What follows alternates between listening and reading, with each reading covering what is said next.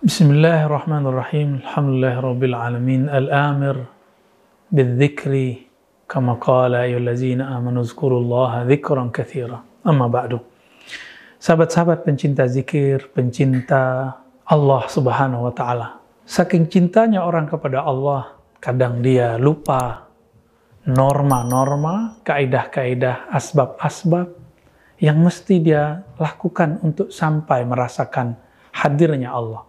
Salah satunya banyak sekali kawan kita yang mengambil wiridnya bukan dari kolbu seorang guru, tapi dari kolbu sang syekh YouTube.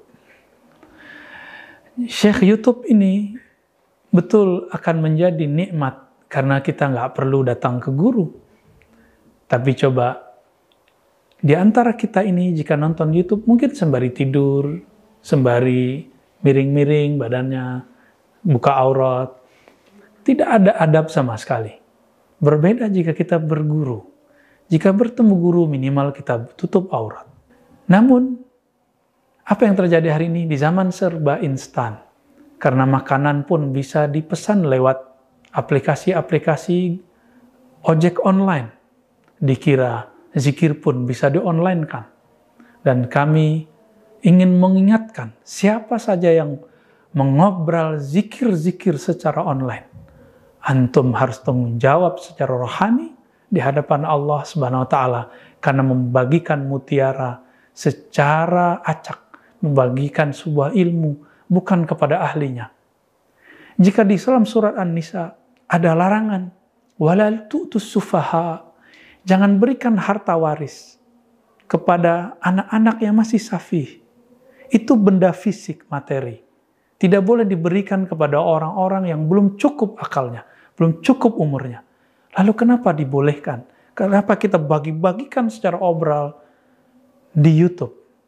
Sehingga terbuka, yang ilmu ini tadinya bercahaya, ilmu tadinya bertuah, sekarang menjadi tidak bertuah. Dan belum lagi efek-efek rohaninya yang sangat luar biasa, sulit ditanggung. Tidak sedikit kawan-kawan kita yang berzikir lewat online, lewat YouTube itu, kemudian mengalami pengalaman rohani yang tidak bisa dibendung. Maka ada yang majnun, ada yang gila, ada yang kemudian merasa dirinya jadi Imam Mahdi, bahkan ada yang merasa dirinya jadi Nabi Khidir, ada yang merasa dirinya jadi malaikat, tidak jarang juga ada yang merasa dirinya jadi Allah. Ada juga yang jadi gila, maka sahabat-sahabat karena Allah, benarlah dulu Maulana Zaki Ibrahim, Imam Syaziliyah, salah satu ulama, guru-guru orang-orang Al-Azhar sekarang. Masyaikh Al-Azhar berguru kepada beliau secara spiritual. Maulana Zaki Ibrahim, beliau mengingatkan agar tidak mengobrol-ngobrol zikir sembarangan.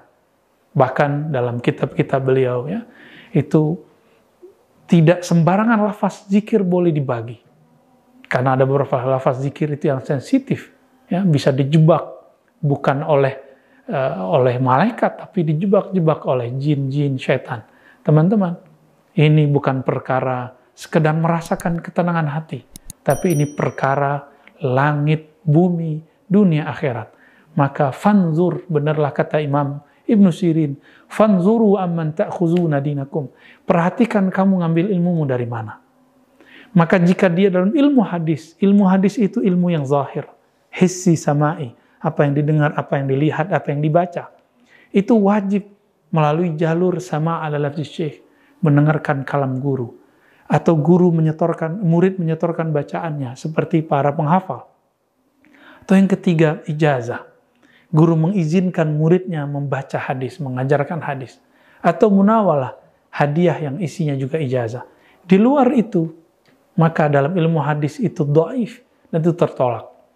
Maka sama dalam tradisi ahli zikir itu lebih ketat lagi. Tidak boleh mengambil zikir dari kitab yang nemu. Tidak boleh mengambil zikir dari cara otodidak. Kecuali zikir-zikir yang guru-guru kita sudah mengijazahkan secara umum. Seperti Ratibul Attas, Ratibul Haddad. Itu memang masyaikh-masyaikh Ba'lawiyah. Mereka membolehkan. Silakan amalkan secara terbuka. Tapi seperti Hizib Bahar, seperti zikir ismul jalala, ismul domir, ya, ismul zat, eh, dan nama-nama yang lain, asmaul husna. Itu jika tidak diambil dari gurunya, dari kolbu gurunya karena dalam guru dalam kolbu guru inilah kalimah-kalimah itu bersinar. Kita meminta izin supaya sinarnya menembus mewarisi kepada kita. Inilah pentingnya ijazah. Maka orang-orang yang tidak mendapatkan ijazah dalam zikir, jika dia tidak kuat melakukan riyadhah, maka dia tidak dapat keberkahannya. Dia hanya dapatkan pahala, tapi tidak mendapatkan al-faid dan al-madad secara rohani, limpahan-limpahan rohani.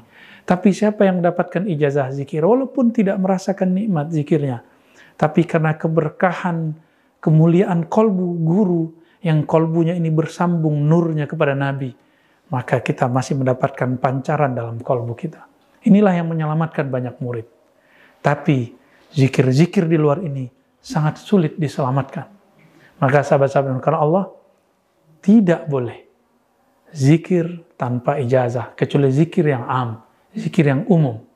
Adapun zikir-zikir khusus, zikir menarik rezeki, nolak bala, zikir menguatkan jiwa, ketenangan jiwa, zikir ma'rifatullah. Ini harus dengan bimbingan guru yang kita ketemu secara fisik. Meskipun guru itu bisa mendatangi kita secara rohani, tapi ketemu fisik adalah hal yang wajib. Kecuali kita ini sudah sampai levelnya Sayyidina Uwais Al-Qarni. Yang beliau cukup dengan merawat ibunya.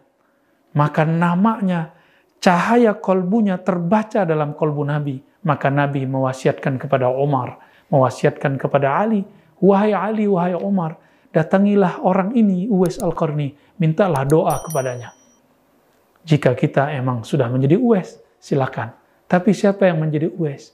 Uwais meninggalkan haji umrohnya, cuma ingin merawat ibunya. Karena ibu adalah wasiatullah fil ard, wasiat Allah di bumi.